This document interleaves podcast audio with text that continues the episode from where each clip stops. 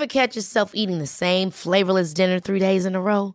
Dreaming of something better? Well, HelloFresh is your guilt-free dream come true, baby. It's me, Gigi Palmer. Let's wake up those taste buds with hot, juicy pecan-crusted chicken or garlic butter shrimp scampi. Mm. Hello Fresh. Stop dreaming of all the delicious possibilities and dig in at HelloFresh.com. Let's get this dinner party started.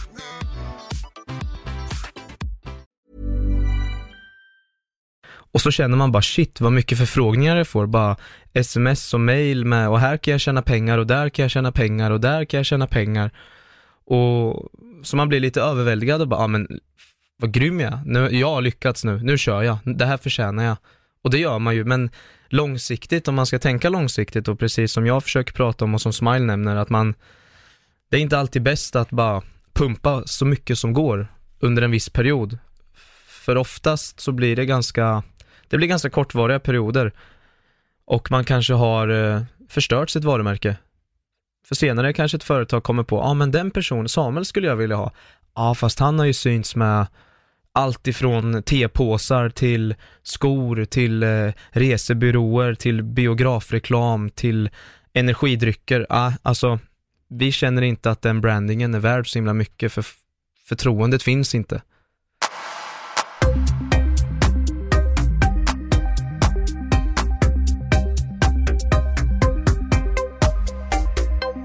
Samuel Eriksson, välkommen till Pollevaj Podcast. Tack så jättemycket.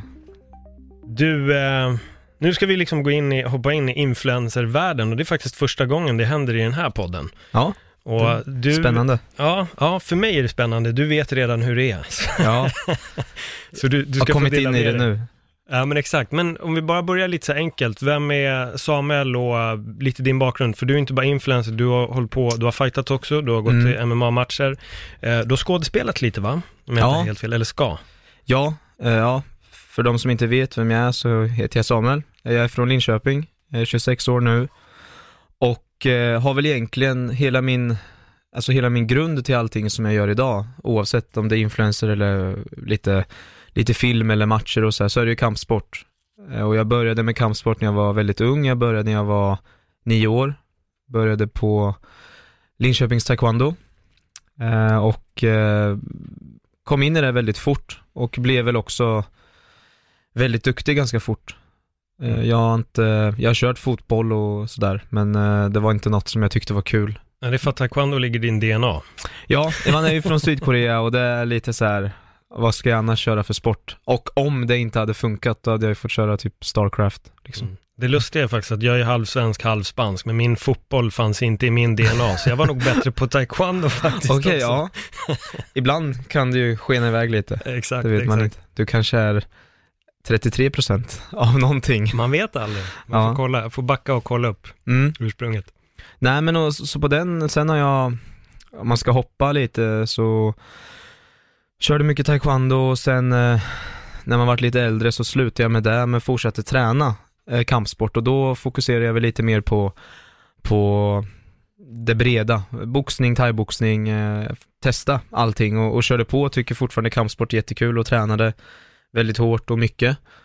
Startade sen en egen eh, träningsanläggning eh, i Norrköping jag flyttade till Norrköping och eh, körde den ett par år. Och sen då egentligen eh, så flyttade jag tillbaka till Linköping eh, när jag träffade min eh, tjej, så vi flyttade, vi flyttade ihop.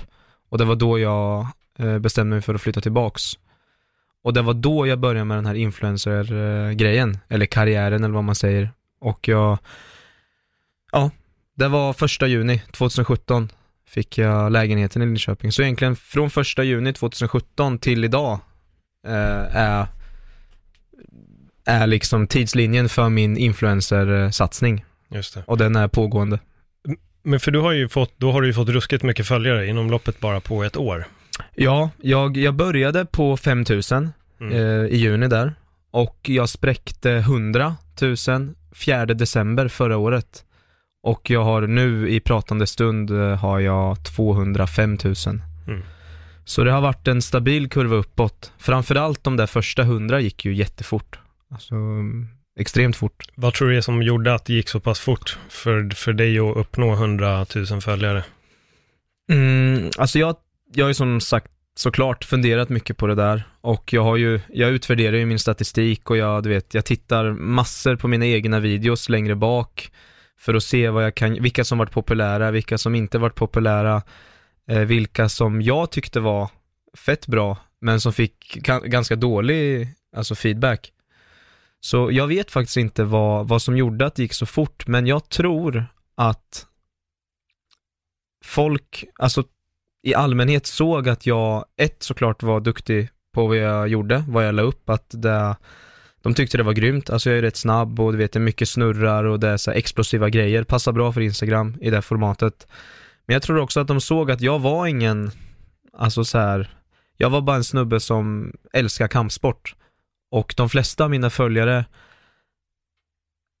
är väl lite likadana. De, de bor där de bor, de gör det de gör, men de älskar kampsport. Så där tror jag var liksom ingången till varför folk började följa mig. Att de såg att den här killen satsar allt. Han har en, en brutal passion för träning och framförallt kampsport. Jag följer honom.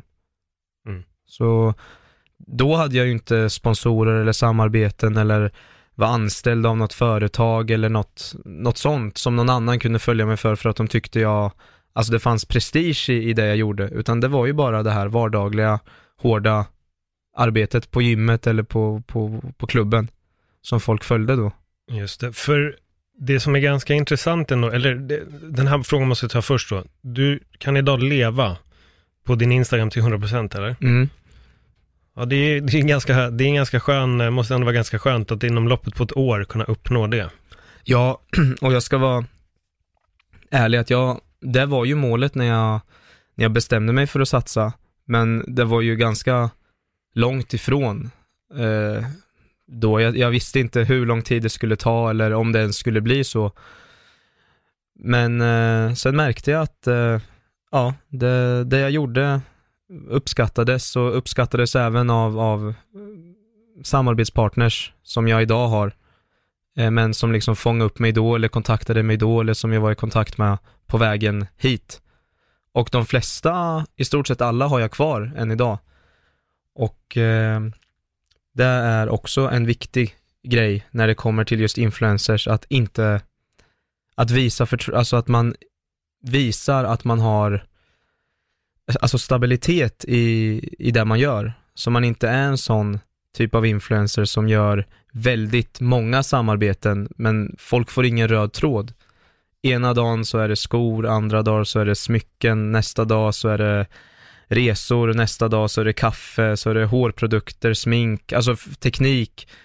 Ja, mitt flöde fungerar verkligen inte så, utan de inläggen som man ser på mitt flöde är oftast från, eh, från samarbeten som folk känner igen, vilket också gör att de känner mer förtroende för det jag gör. Att man inte blir en, en sellout på det sättet. Som är ganska lätt att bli, för jag menar, det är många som kontaktar mig också och vill göra sponsrade inlägg på min feed och på stories och använda mitt varumärke i, med sitt varumärke för att lyfta det på något sätt i, i rätta sammanhang. Men ja, blandar man för mycket med alla de här grejerna så blir det, folk kan inte placera, vart är Samuel någonstans? Och då bara, ja, jag följde honom för hans passion för kampsport och nu så vet jag inte vad han, vad han tycker om längre. Nej. Lite så.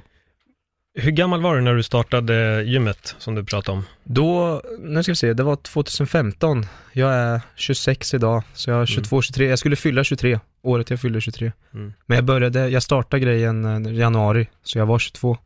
För jag tycker redan, redan där särskiljer du dig säkert från majoriteten av eh, får jag säga nu, wannabe influencers ute i landet eller världen. För att du har redan en sorts företagsgen i dig. Mm. Att du kan tänka företagsaktigt och du, du slår spiken på huvudet på väldigt mycket här. Jag, jag tycker att när jag, när jag tittar på din, jag följer dig såklart på, på din Instagram och när jag, mm. när jag ser dig göra saker så det, det finns en tanke bakom det du gör och som du säger, det är, du har repeterande jobb med samma typer av, av eh, med samma företag. Mm. Um, och du slår också spiken på huvudet när du ser att många är ena dagen är smycken, andra dagen är hårprodukter, ja, sen är det skor och sen är det kallingar och sen är det, det, är allting, så det blir, det blir för mycket och jag tror också att många influens eller wannabe influencers lägger upp exakt samma typ av sak. Ja, Att de blir en kopia på varandra, men du sticker ut, för just som du säger, du är snabb, du gör dina videos. De är roliga att kolla på, alltså de är Mm. liksom like-vänliga. ja men det är jättekul att höra. Och bara för att, en sak du sa där som, eh, att det blir mycket samma sak. Och, och nu vill inte jag, liksom, jag vill inte kasta skit på några influencers som kanske gör mycket av samma sak, för det är ju deras grej. Eh, och jag gör min grej, så alla har absolut rätt att göra sin grej. Men min åsikt kring det är ju just att eh, det kan bli, jag följer ju många som, och är vänner med många som är influencers nu, självklart. Och alltså jag, även jag, även fast jag känner personen och jag vet exakt vad, hur mycket tid den lägger ner och jag vet att den kämpar minst lika mycket som jag med sin grej, så tycker jag att ibland så, eller för mig i alla fall är det nästan självklart att man, att man gör, att man är kreativ och skapar, skapar nytt typ av content utan att antingen sälja ut sig till massa olika företag eller typ bara byta färgnyans på bilden. Typiskt sådana här fashion, fashionkonton som bara lägger upp väldigt mycket, kanske olika typer av outfits, men bilderna i sig ser oftast ganska likadana ut. Det ser nästan ut som de kanske står framför samma bro eller samma byggnad, men, men de har bytt kläder och bytt skor och så, och det är ändå där de ska marknadsföra, men ja, det kanske är lite så att jag har något form av företagstänk också, man, jag, jag, jag har gjort en, en businessmodell av mitt konto, eller inte av mitt konto så, men jag tänker jag hanterar mitt konto och mitt eget varumärke som ett företag. Eh, så jag, eh, för mig är det självklart. Och det är där jag tror vissa gör misstaget att det blir för mycket. Ja. Och jag håller med, det är lite kul att höra faktiskt, för jag hade ju Smile från, eh, som många känner honom från Paradise Hotel, som var med i min podd väldigt, väldigt tidigt. Mm. Ehm, och han, vi pratade också om, för han har gjort en övergång nu och är programleder och Mm. har jobbat ganska mycket med, med Via Free. Och klädmärke och har han skap- Exakt, exakt. skapat också. Och han Mm. säger det också att när han valde att vara med i Paradise Hotel så såg han det som en möjlighet att liksom göra andra saker, så det var en språngbräda. Mm. Och det tycker jag särskiljer honom från mm, 99,9% Som av alla dokusåpadeltagare. Ja. för, jag- för jag tror att många tror bara att, ja men fan nu är jag med och nu kommer jag starta en blogg och så kommer jag få sjukt mycket följare på min Instagram och så kommer det bara hända så Alltså här jag är klar. skitmycket bra Ja. grejer och så händer inte ett skit. Medan man hör att både du och Smile, ni har liksom ett, en längre plan och ett större tänk på vad ni faktiskt vill uppnå och vad ni vill förmedla. Mm. Och det är också skillnaden på er kontra då alla andra som också vill någonting. Men jag tror att folk har, ja men återigen, det här med att man pumpar bara ut allt. allt Ja, allt, alltså först, först tror jag man kämpar väldigt hårt. Det gör man ju alltid, för att komma någonstans. Sen, sen kommer man över den där tröskeln och har kommit någonstans. Och då är man väldigt intressant för företag. Och så känner man bara shit vad mycket förfrågningar jag får. Bara sms och mail med och här kan jag tjäna pengar och där kan jag tjäna pengar och där kan jag tjäna pengar. Och så man blir lite överväldigad och bara, ja men vad grym jag är. nu, Jag har lyckats nu, nu kör jag. Det här förtjänar jag. Och det gör man ju, men långsiktigt, om man ska tänka långsiktigt och precis som jag försöker prata om och som Smile nämner, att man, det är inte alltid bäst att bara pumpa så mycket som går under en viss period. För oftast så blir det ganska, det blir ganska kortvariga perioder och man kanske har eh, förstört sitt varumärke. För senare kanske ett företag kommer på, ja ah, men den personen, Samuel skulle jag vilja ha. Ja fast han har ju synts med allt ifrån tepåsar till skor, till eh, resebyråer, till biografreklam, till energidrycker. Ah, alltså, vi känner inte att den brandingen är värd så himla mycket för förtroendet finns inte. Så Nej. det är, väl, det är väl det som är risken. Sen om man behöver tjäna, tjäna pengar så behöver man det. Det är så här, man får prioritera vad som är viktigt och vad man tror på. Mm, men jag tycker det låter bra, för när jag höll på med mitt streetworker-team Bar Mafia så var jag också det att jag var väldigt mån om vad vi faktiskt skulle synas med. Mm. På den tiden var jag så väldigt anti vissa av de här energidryckerna. Inte för att jag kanske direkt hade värsta problem med energidrycken i sig, men mer för att alla gjorde gratis reklam mot energidryckerna. Så och då kände jag att jag vill inte att vi står med de där drickorna och promotar dem, utan Nej. vi ska hitta någonting som är bra för kroppen, liksom på riktigt, med att Mm. värna om ett holistiskt tänk om, om, om vad vi gör. Och där försökte jag hitta våra samarbetsmodeller. Nu var ju det sjukt tidigt och på den tiden fanns inte ens ordet Instagram-influencer Nej, när vi höll på. Nu har det ju verkligen så exploderat och folk eh, kan verkligen leva på det. Men jag måste ha en helt sidofråga här. mm. Såg du på Lyxfällan när Sunny från Paradise Hotel var med med sin flickvän? nej, Alltså du måste nästan se det. det låter som att jag måste se Ja, för han, han och hans flickvän då är ja, influencers menar Mm. de. Då hade han dragit in 60 000 på ett år och hon hade väl dragit in snäppet under det. De ville inte jobba vanliga jobb för att de skulle bara leva 60 000 på ett år? Ja. Jag satt där och bara, men 60 i månaden, okej. Men 60 000 på ett år? på ett år. Ja, så hade de köpt en bil som kostade 700 000 i födelsedagspresent till sin pojkvän och då hade hon tagit lån för bilen och lån för att kunna betala det här Lånet. första lånet. Ja. Oh, nice. Så allting var belånat och då skulle hon betala, hon bara, jag tänkte betala av 700 000 på tre år.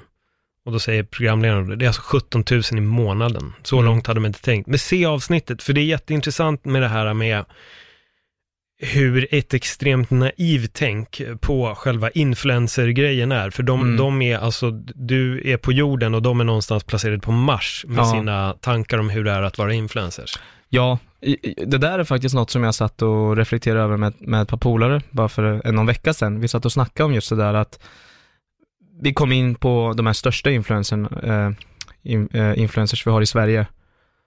Eh, och eh, liksom de undrar lite, ja, men vad tjänar man? Och du vet, många gör YouTube och jag är inte, eftersom jag inte sysslar med YouTube, jag är inte 100% insatt.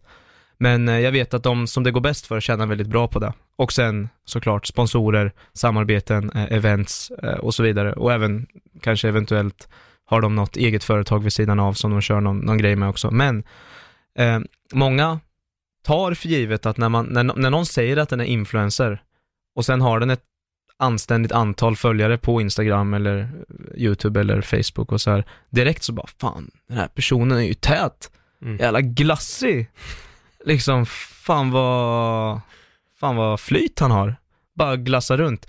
Och alltså jag kan säga själv, jag är jättenöjd med, med, med, med hur mitt liv alltså ser ut nu och jag jagar ständigt eh, nya samarbeten, nya sätt att, att utvecklas och nya sätt att få nya följare och du vet, eh, komma ut i världen ännu mer. Och på så sätt också nå kanske ännu större företag och så vidare. Men man har ändå, alltså jag har ändå fått en insikt i hur, hur det är, även fast jag kan leva på mitt, på mina sociala medier, så jag är inte, jag är inte på något sätt stenrik överhuvudtaget. Men jag vet att folk tror det, eller alltså vissa tror det. Han har fina klockor och så. Visst, jag ska inte säga, jag är inte fattig heller, alltså jag har det bra, jag säger det, jag är nöjd. Mm. Men den, den är ganska stor, det är olika för alla. Men eh, de flesta placerar influencers i facket stenrik. Bara rakt av. Bara för att man säger att man är influencer. Och jag vet folk som är influencers som också ger den bilden utåt. Var det jag ja, fast jag vet att det är helt tvärtom, att det är som den här Lyxfällan situationen och kanske drar in, ja men du vet, bara några, några ynka tusenlappar per månad. Men så lever de, och så jag kan sitta och titta på, på Instagram och bara shit, vad, vad fan är det frågan om? Men så vet man i bakhuvudet, bara, ja, alltså, antingen är det lånade grejer, eh, alltså lånade kanske av, av polare, bara för att lägga det här inlägget, eller så är det faktiskt så illa att de kanske har lånat själva för att ens ha råd med att att hålla uppe den imagen. Hur som helst, det är inte alltid så himla glassigt. Nej, men jag, jag tror också, jag tror att när det gäller just eh, Instagram, så tror jag att väldigt många gånger så måste man också lite se förbi den bilden man väljer att lägga upp. Alltså det är Mm. lite som jag pratat om där i flera avsnitt i podden, det här är just eh, Instagram och Facebook-relationer. När folk målar upp det här, åh det är så bra, vi älskar varandra så mycket och bla bla bla. Ja, ja, aldrig något fel i, ja, ja. det går åt helvete liksom och det är katastrof. Och jag, jag vet också när jag höll på med stand-up så la jag upp väldigt mycket bilder om det på både Instagram och Facebook såklart.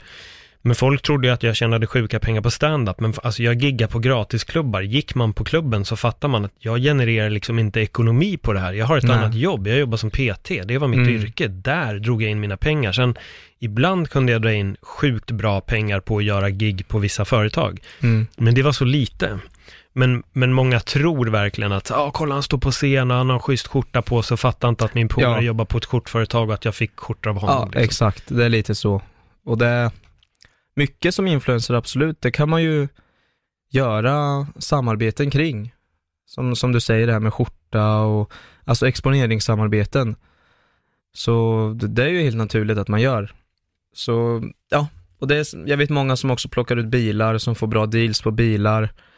Den är såklart inte billig, men den blir ju kanske absolut mycket billigare, eller, eller så har de till och med en sån deal, som där företaget värderar den här influencern så, så pass mycket att den får en gratis bil. Som när Conor McGregor fick eh, två Rolls Royce. Ja, lite så. Eh, det, är, det är, om man ska säga, det är den mest extrema. Ja.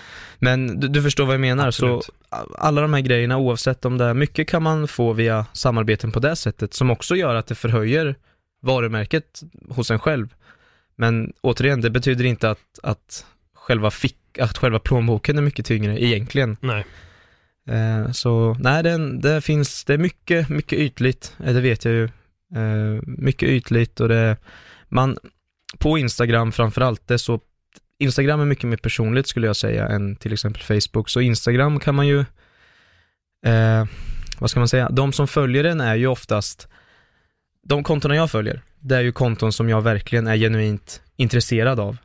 Så oftast, har man mycket följare så är i alla fall majoriteten sådana som ja, i mitt fall, är intresserade av kampsport.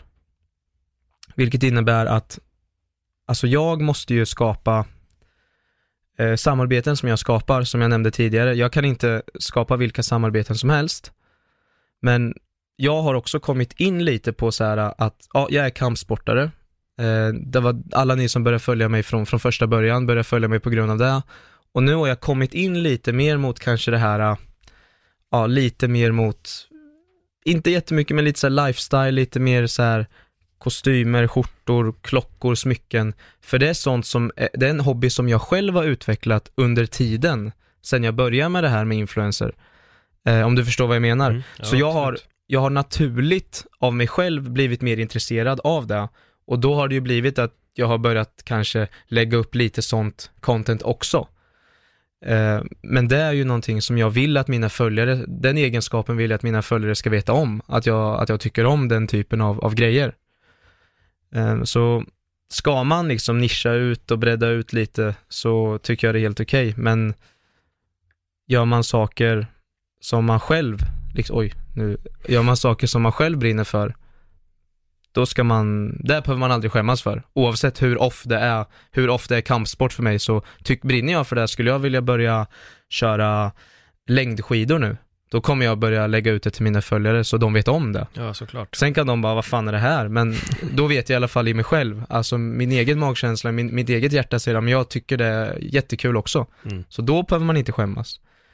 Eh, Men, ja. men jag, jag, jag tänker lite på mig själv då, för min, min Instagram kan vara jävligt spretig på ett sätt också, men det är också för att varje år upptäcker jag någonting nytt. ja. Det blir Det isbad, så. det, blir Rubiks kub, det blir, Ja. jag lägger liksom upp lite av det som jag blir lite så halvt besatt av i perioder. Mm. Där, det är det som jag liksom Ja, pushar lite det är ju helt naturligt. Men, Ja. men så har man alltid en kärna, liksom, ja, som, exakt, som, exakt. som är den röda tråden, men ja, alltså alla, som sagt, det här med influencer är så himla, det är en djungel. Ja. Eh, man kan, man kan prata hur mycket som helst om det, om sponsorer, samarbeten, inlägg, content, videos, bilder, mörka, ljusa, hashtags, inte, alltså det finns, eh, och då måste jag fråga, när du står upp det där, vad, vad, vad genererar mest liksom likes för dig när du lägger upp?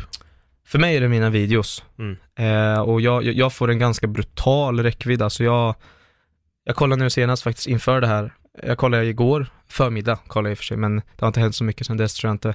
Jag har alltså, jag har över 30 miljoner exponeringar senaste tre månaderna. Shit. Eh, jag har 200 000 följare, eh, men jag har 30 miljoner exponeringar på, på tre månader. Det är 10 miljoner i månaden, 2,5 miljoner i veckan. Så det är absolut, och det är mina videos, inte mina bilder. Nej. Så mina videos för mig funkar bra, eh, funkar bäst. Och det är det som folk känner, alltså folk känner igen mig från mina videos. Huvudsakligen jag Kan du se också vilka länder som folk som du har mest följare från? För man kan också se statistik så här, män och Ja. kvinnor. Jag Ja. har ju extremt dominant av, man, av män. Ja, jag, jag har, jag tror det är, vad är det, 87% män. Ja, jo. 30-13 procent liksom. och jag har eh, en ganska, majoriteten är mellan 20 och 30 för mig. Mm. Men 87 procent och jag har majoriteten av mina följare från USA. Okej. Fan, så du kanske blir liksom stoppad på gatan i USA och yo Samuel. Jaha, nej det, det vet jag inte. Jag har, jag har blivit stoppad på eh, Londons, eller på Englands flygplats. Ja. Eh, två gånger faktiskt.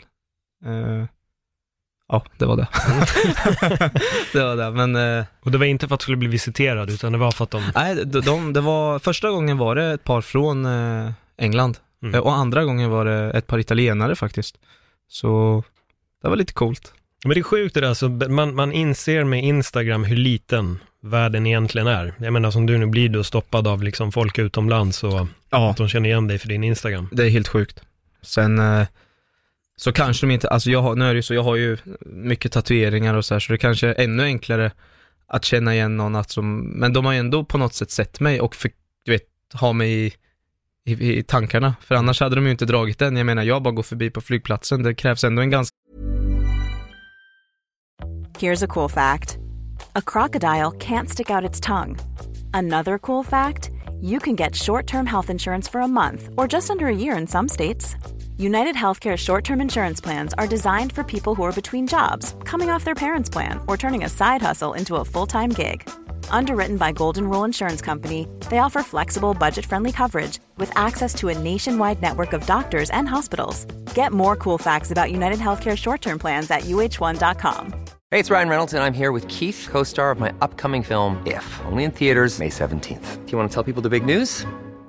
All right, I'll do it. Sign up now and you'll get unlimited for $15 a month in six months of Paramount Plus Essential Plan on us. Mintmobile.com slash switch. Upfront payment of $45 equivalent to $15 per month. Unlimited over 40 gigabytes per month. Face lower speeds. Videos at 480p. Active Mint customers by 531.24 get six months of Paramount Plus Essential Plan. Auto renews after six months. Offer ends May 31st, 2024. Separate Paramount Plus registration required. Terms and conditions apply if rated PG.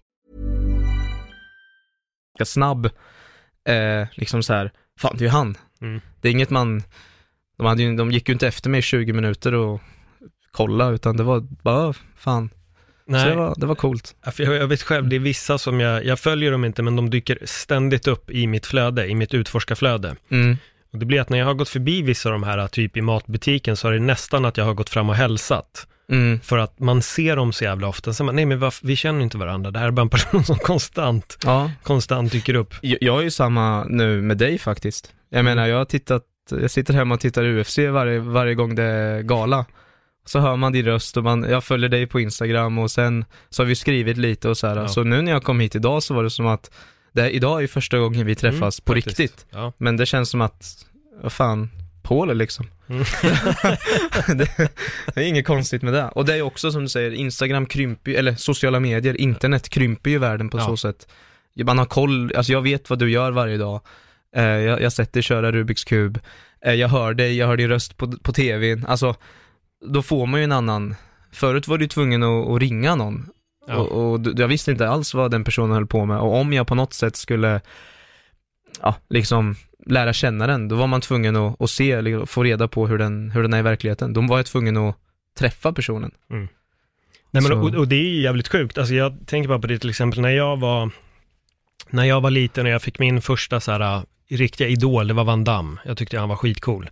Så jag skrev faktiskt till och med till hans fan, alltså till, jag skickade ett, brev, ett fysiskt brev till honom, för det var ju så man var tvungen att göra förr i tiden. absolut. Idag kan jag följa honom Ja, på Instagram och jag skulle kunna nå honom bara genom att skriva. Sen är det inte säkert att han skulle svara. Men jag Nej. skulle kunna nå han direkt, Ja. den här instansen. Jag har tänkt på det här flera gånger. Tänk om jag som i den åldern hade kunnat haft den tillgången till dem som jag liksom såg upp till. ja, Det hade varit en helt otrolig känsla, men, men förr i tiden var det verkligen, man skrev ett fysiskt brev med papper och penna, mm, men nu funkar det på ett helt annat sätt. ja, Nu har man den här direkta tillgången och det finns en positiv och en väldigt negativ eh, grej Så med det det. också. Och speciellt det. kanske lite de rollerna som vi gör, är att folk kan nå ut med positivitet och negativitet också. Mm. Apropå det, har du fått skit någon gång för det du gör? Eller är det någon som kritiserar eller ja, fan du vet att jag, jag har ju, eller jag får, jag får väldigt mycket positivt skulle jag säga. Ma- majoriteten är positivt, men såklart så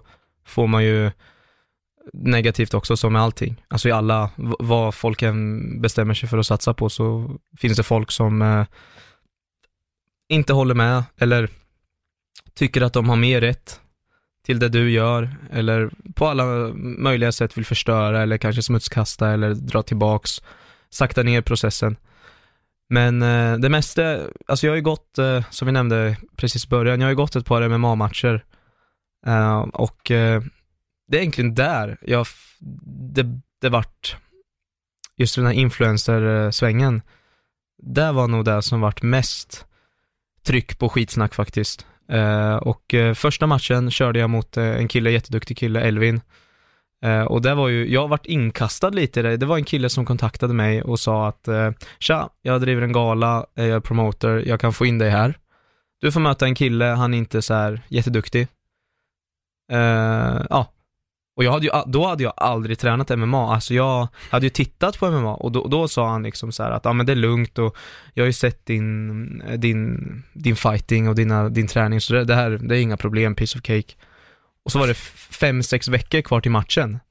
Jag bara, ja, men vi, du vet, och jag är en sån här snubbe, jag bara ser möjligheten, tyckte det var en kul utmaning till, ja vi kör då.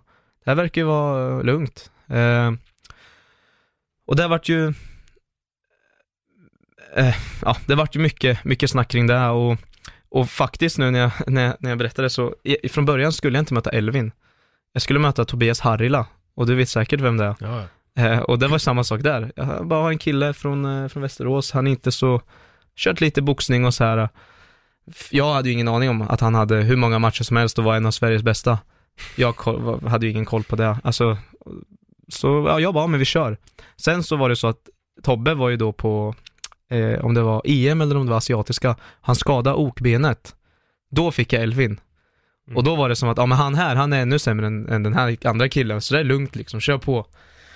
Eh, och, och Elvin var väl då rankad tvåa, tror jag. Hade väl, ja, en bra bit över, jag vet, jag kommer inte ihåg exakt hur många matcher han hade, men han hade väl en bra bit över tio i alla fall. Så jag gick in mot honom då. Eh, förlora. Eh, över täpa på ett stryp. Fick, eh, fick bra med stryk där, på, mot honom liksom som vad, vad, vad hade, vad hade jag kunnat förvänta mig egentligen? Jag var lite naiv där och tänkte, ja men det är lugnt, vi kör. Men det var så jag kom in i MMA Mm. svängen och det här var maj 2016 jag körde den matchen, så det var faktiskt innan jag började med den här influencer-grejen överhuvudtaget. Och då efter den matchen så kände jag så här, ah, jag är inte klar med, med MMA, jag, ska, jag vill köra en till. För jag kan inte komma in och så bara händer det här och sen så bara, ah, ah, vi hörs, nu drar jag. Och det var då jag började, eh, började träna lite mer MMA. Eh, och sen flyttade jag ju tillbaka till Linköping ett år senare då, första juni 2017 och hade ju kört MMA under hela den tiden, lite parallellt då med boxningen och thaiboxningen och fokuserade väl lite mer på, på ground game och brottning och du vet takedowns och grappling och sådär. Och så fick jag ju en match nu eh, det här året, 2018, fick den i april där mot en kille som heter Ruben. Och eh, vi skulle köra i augusti och Ruben, jag hade inget emot honom så, men han hade lyckats liksom göra hela MMA-Sverige skitsnea på honom. För han, han var igång och skulle utmana hur många som helst och han eh, pratade väldigt, alltså tänkte väldigt högt om sig själv utan att egentligen kanske ha så mycket att backa upp det med. Mm. Och så fick jag reda på då att han, eh, han körde mot en kille eh, och förlorade också på ett, eh, han förlorade på en, på ett stryp, somna.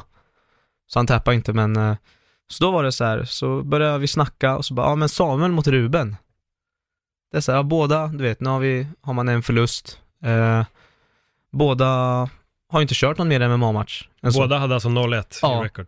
Så jag bara, vi kör. Det, bara, det här är väl min möjlighet att köra. Someone so has got to go alltså. Ja, ja. Så då körde vi och den här körde vi nu senast, eh, bara för några månader sedan i augusti. Så, så vann jag den på, jag vann på unanimous decision. Var jätte, för mig, jag, jag är nöjd med matchen. Körde, det var stående hela i nio minuter och jag, jag är jättenöjd och han var nöjd och vi är bra, liksom, har bra kontakt idag. Alltså, så jag skriver, har bra ton mot varandra. Men inför, inför framförallt den här matchen, då var det så här, ja, Samuel har ju förlorat en match. Det var ingen som brydde sig om att det var mot Elvin. Som att Elvin var vem som helst. Han är ju idag en av Sveriges bästa. Hands down. Och jag, jätte, jag tycker Elvin är hur grym som helst.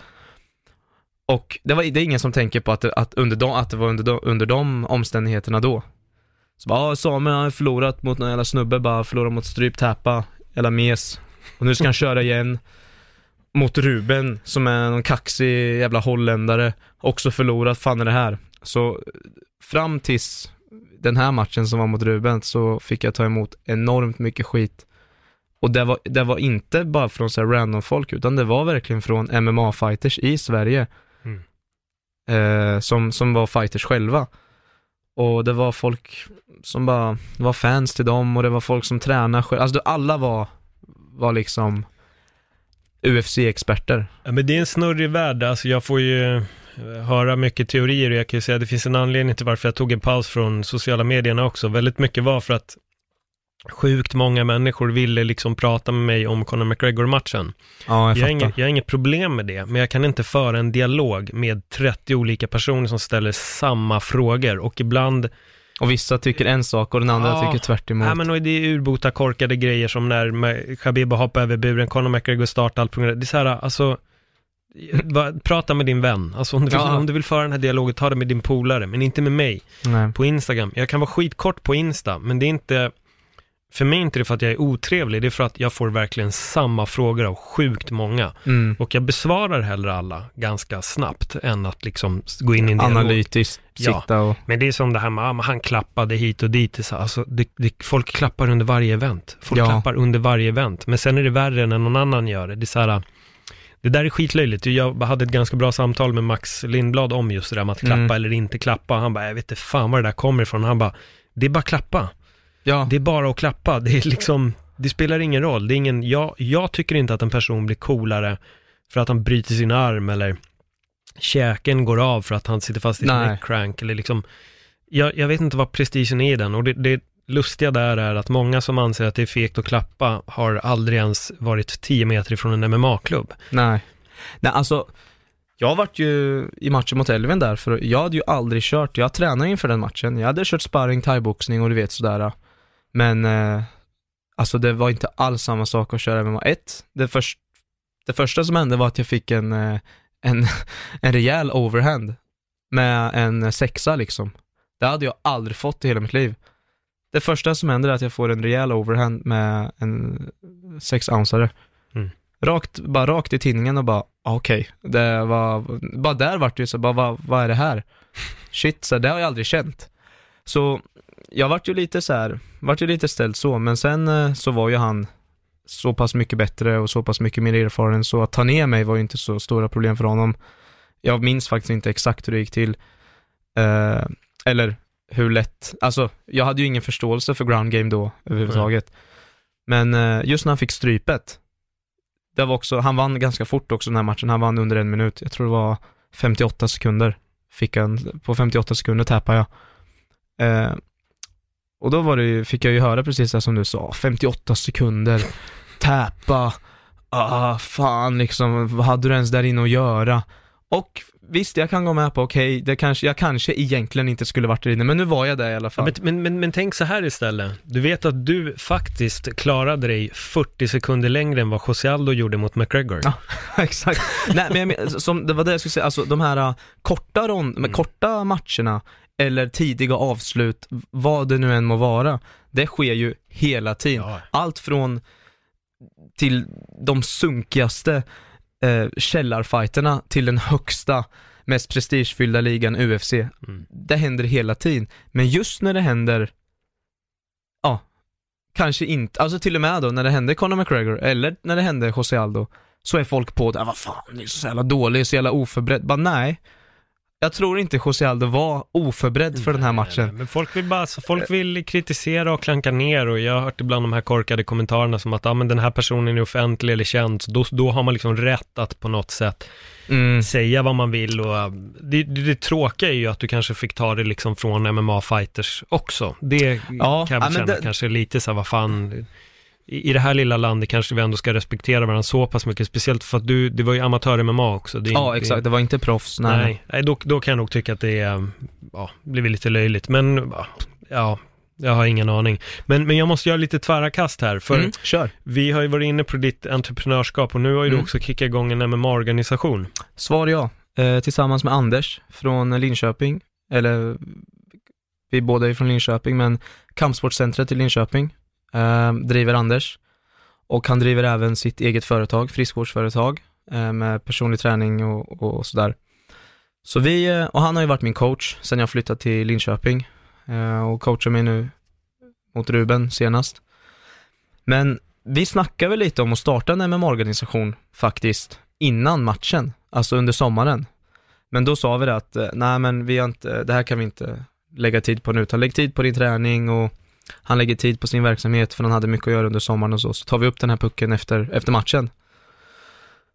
Och så gick jag där 18 augusti, men så bröt jag tummen och lite sånt så, här, så jag har varit, jag har inte kunnat träna ordentligt, jag har väl varit lite så här, äh, lite omotiverad och haft lite skada och du vet så här på, i knät och lite i armbågen och så. Men sen så sa jag till Anders en dag, jag bara Anders, fan det är dags nu. Verkligen så. Satte vi oss, eh, bara började diskutera, skissa upp allt, bara börja brainstorma och sen eh, första november gick vi ut med det här. Eh, och det är mindre än en månad sedan. Och nu senaste månaden så har Excellence Fighting Championship syns överallt i hela Sverige. Så ja, på den, på den vägen är det nu. Vad är tanken med, med er MMA-gala? Vad är, det ni, vad är liksom själva tanken med den? Alltså vi har ju sett, eller vi, alltså Anders är ju landslagstränare för MMA-landslaget.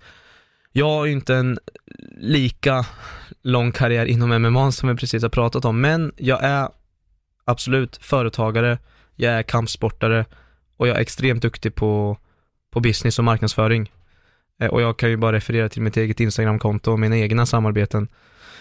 Så jag och Anders kom på att han har den bästa kompetensen från sitt håll, med erfarenhet från landslaget och så vidare. Och jag har eh, spetskompetens från mitt håll.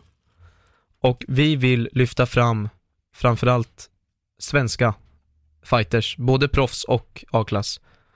Och det är väl lite så som alla organisationer tänker, men vi ser bara att de här organisationerna som finns idag, att det räcker inte till, för det finns så himla många som vill, som vill satsa på MMA i Sverige. Och eh, alla får inte möjligheten att, att köra, just på grund av att, inte för att de är för dåliga, utan för att det finns inte tid och plats för alla. Det finns inte tillräckligt med galor. Och just i Linköping och Östergötland så har det historiskt sett aldrig funnits en, eh, en proffsorganisation inom MMA. Så det var väl alla de bitarna vi sa, nu har vi vår möjlighet att lyfta fram våra egna fighters lokalt, men även också ge en, skapa en plattform för, för, för Sveriges MMA-fighters. En ytterligare möjlighet att få skina och göra karriär.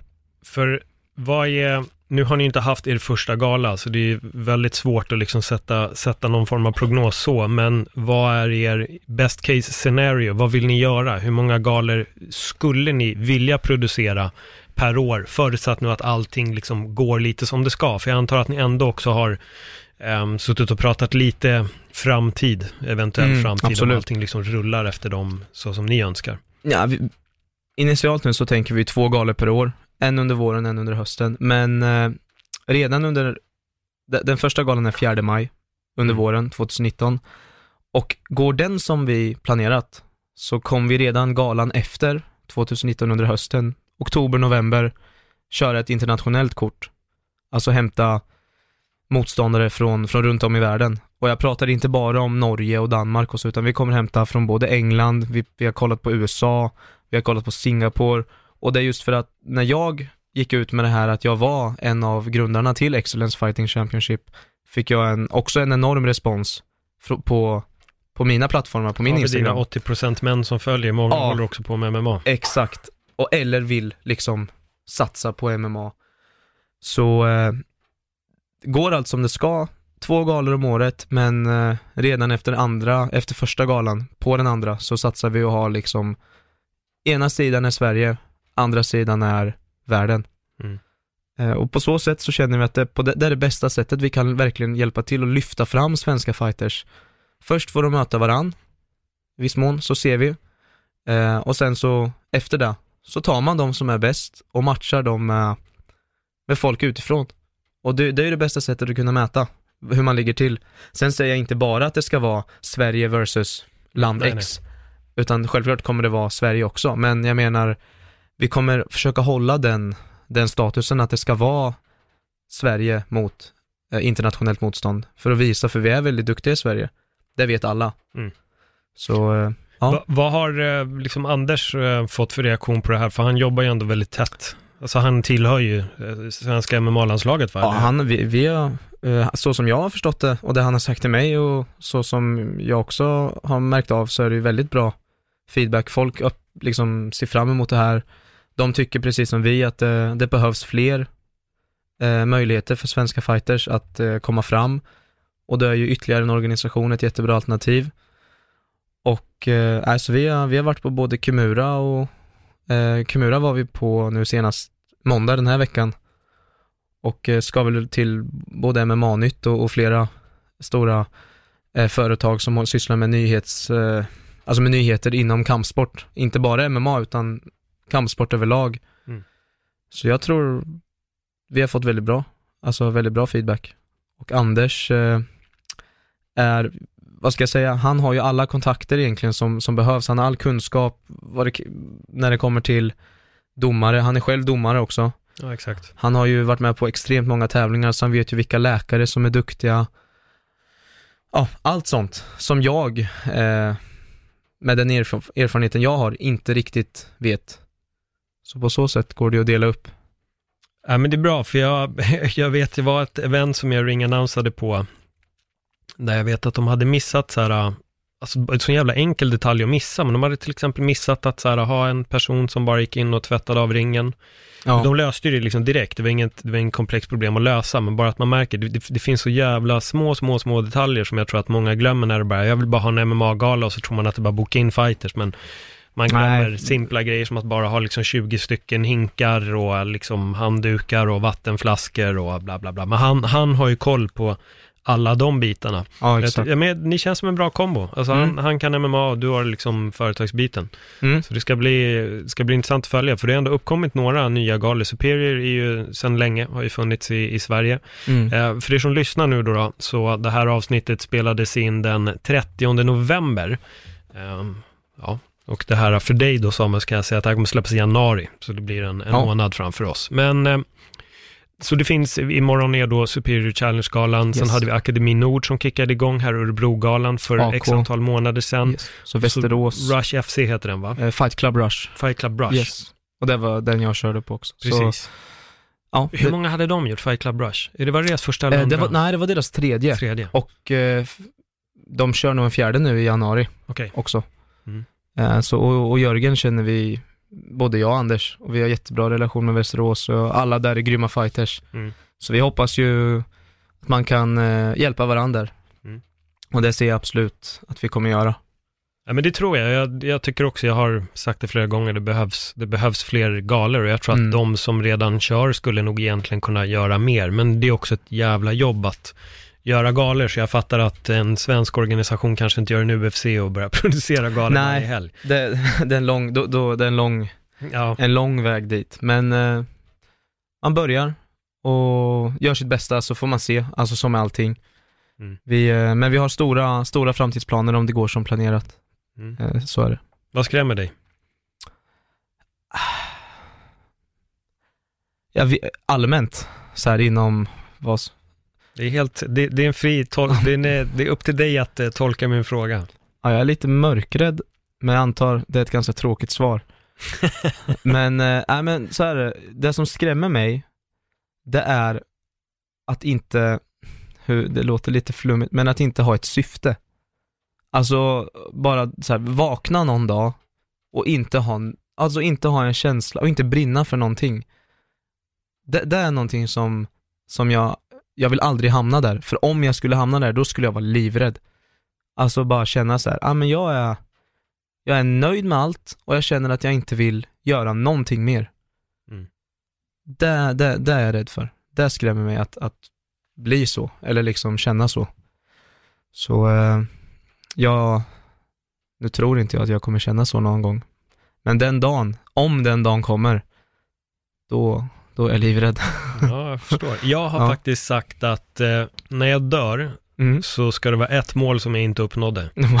Vad är det för någon? Jag vet inte. Men jag vill, Jaha, jag, jag vill, så, jag vill okej, dö ja, ja. och det ska vara en sak som jag liksom inte hann göra, inte, eller inte hann uppnå. Inte att jag har ett mål och så skjuter jag på det till jag dör. Nej, nej. Jag vill ha många mål på vägen. Mm. Men jag vill också dö med känslan av att det var en sak som jag faktiskt inte hann. Det betyder att jag aldrig kommer att vakna upp i din Ja, situation. exakt. Är du med? Ja, Att du, alltid- du har lite samma rädsla som Ja. man. Men man vill ju alltid känna att man, man brinner för något. Mm. Och, och slutar man brinna för någonting, då, då hittar man någon, något nytt. Nå, något nytt att lägga fokus och engagemang i som man brinner för. Eh, ja, jag, jag kan nog säga, jag, kommer, jag, tänk, jag ska tänka, jag tänker nog som dig. Mm. Alltså att det, jag, jag ska aldrig vara nöjd, det ska alltid vara någonting som behöver, behöver göras, förbättras eller det kommer alltid vara något mål som, som är framför mig. Grymt. Mm. Samuel, ehm, jag har följt dig ett tag, jag har sett dig, nu har du och jag fått suttit och snacka och jag måste Mm. säga att du var 26 år gammal va? 26 år nu. Du är 26 år gammal, du har huvudet verkligen på skaft, måste jag säga. Tack. Och jag märker den här entreprenörsgenen i dig och jag tror också att det faktiskt är därför det rullar som det gör för dig med ditt eh, influensande då. Om man, det låter jättekonstigt, låter som du går Ja, och är sjuk, men Ja, det låter lite som någon sjukdom så, nej men, nej, men tack så jättemycket, tack. Ja, nej men, nej, men jag tycker det. Du, du är verbal, du har, du har, du har tänkt, du har, liksom, du har faktiskt huvudet på skaft. Jag tror därför det, det rullar liksom åt din väg. Jag tycker det är skitkul att du och Anders nu sätter igång den här uh, MMA-äventyret får vi säga nu, att Mm. starta Excellence MMA. Jag hoppas verkligen att det går, går vägen. Inte bara för er skull, utan precis som ni säger, det finns så pass mycket fighters och grejer som, som vill få en möjlighet att prova. Yes, Ehm, så jag håller tummarna stenhårt för er. Det ska bli skitkul att följa tack så jättemycket. och eh, framtiden är vidöppen. Så är det. Tack så jättemycket för att jag fick komma hit. Tack så jättemycket för ett bra samtal. Om folk vill få tag på dig, liksom, hur gör de då? Vilken social media är det de ska in på? Instagram är bäst. Mm. Eh, och Eriksson Samuel heter jag där. Eriksson med C och 2S. Och sen eh, Samuel. Mm. Sen är skicka DM. Då är ni en bland många. Ja, s- slide in. Ja, men grymt, supertack. Nu eh, sticker du och jag iväg på, på andra äventyr. Så Svar ja. gott folk, eh, tills nästa gång, ha det jättebra. Ha det bra, tack. Och så får vi då också säga gott nytt år på er.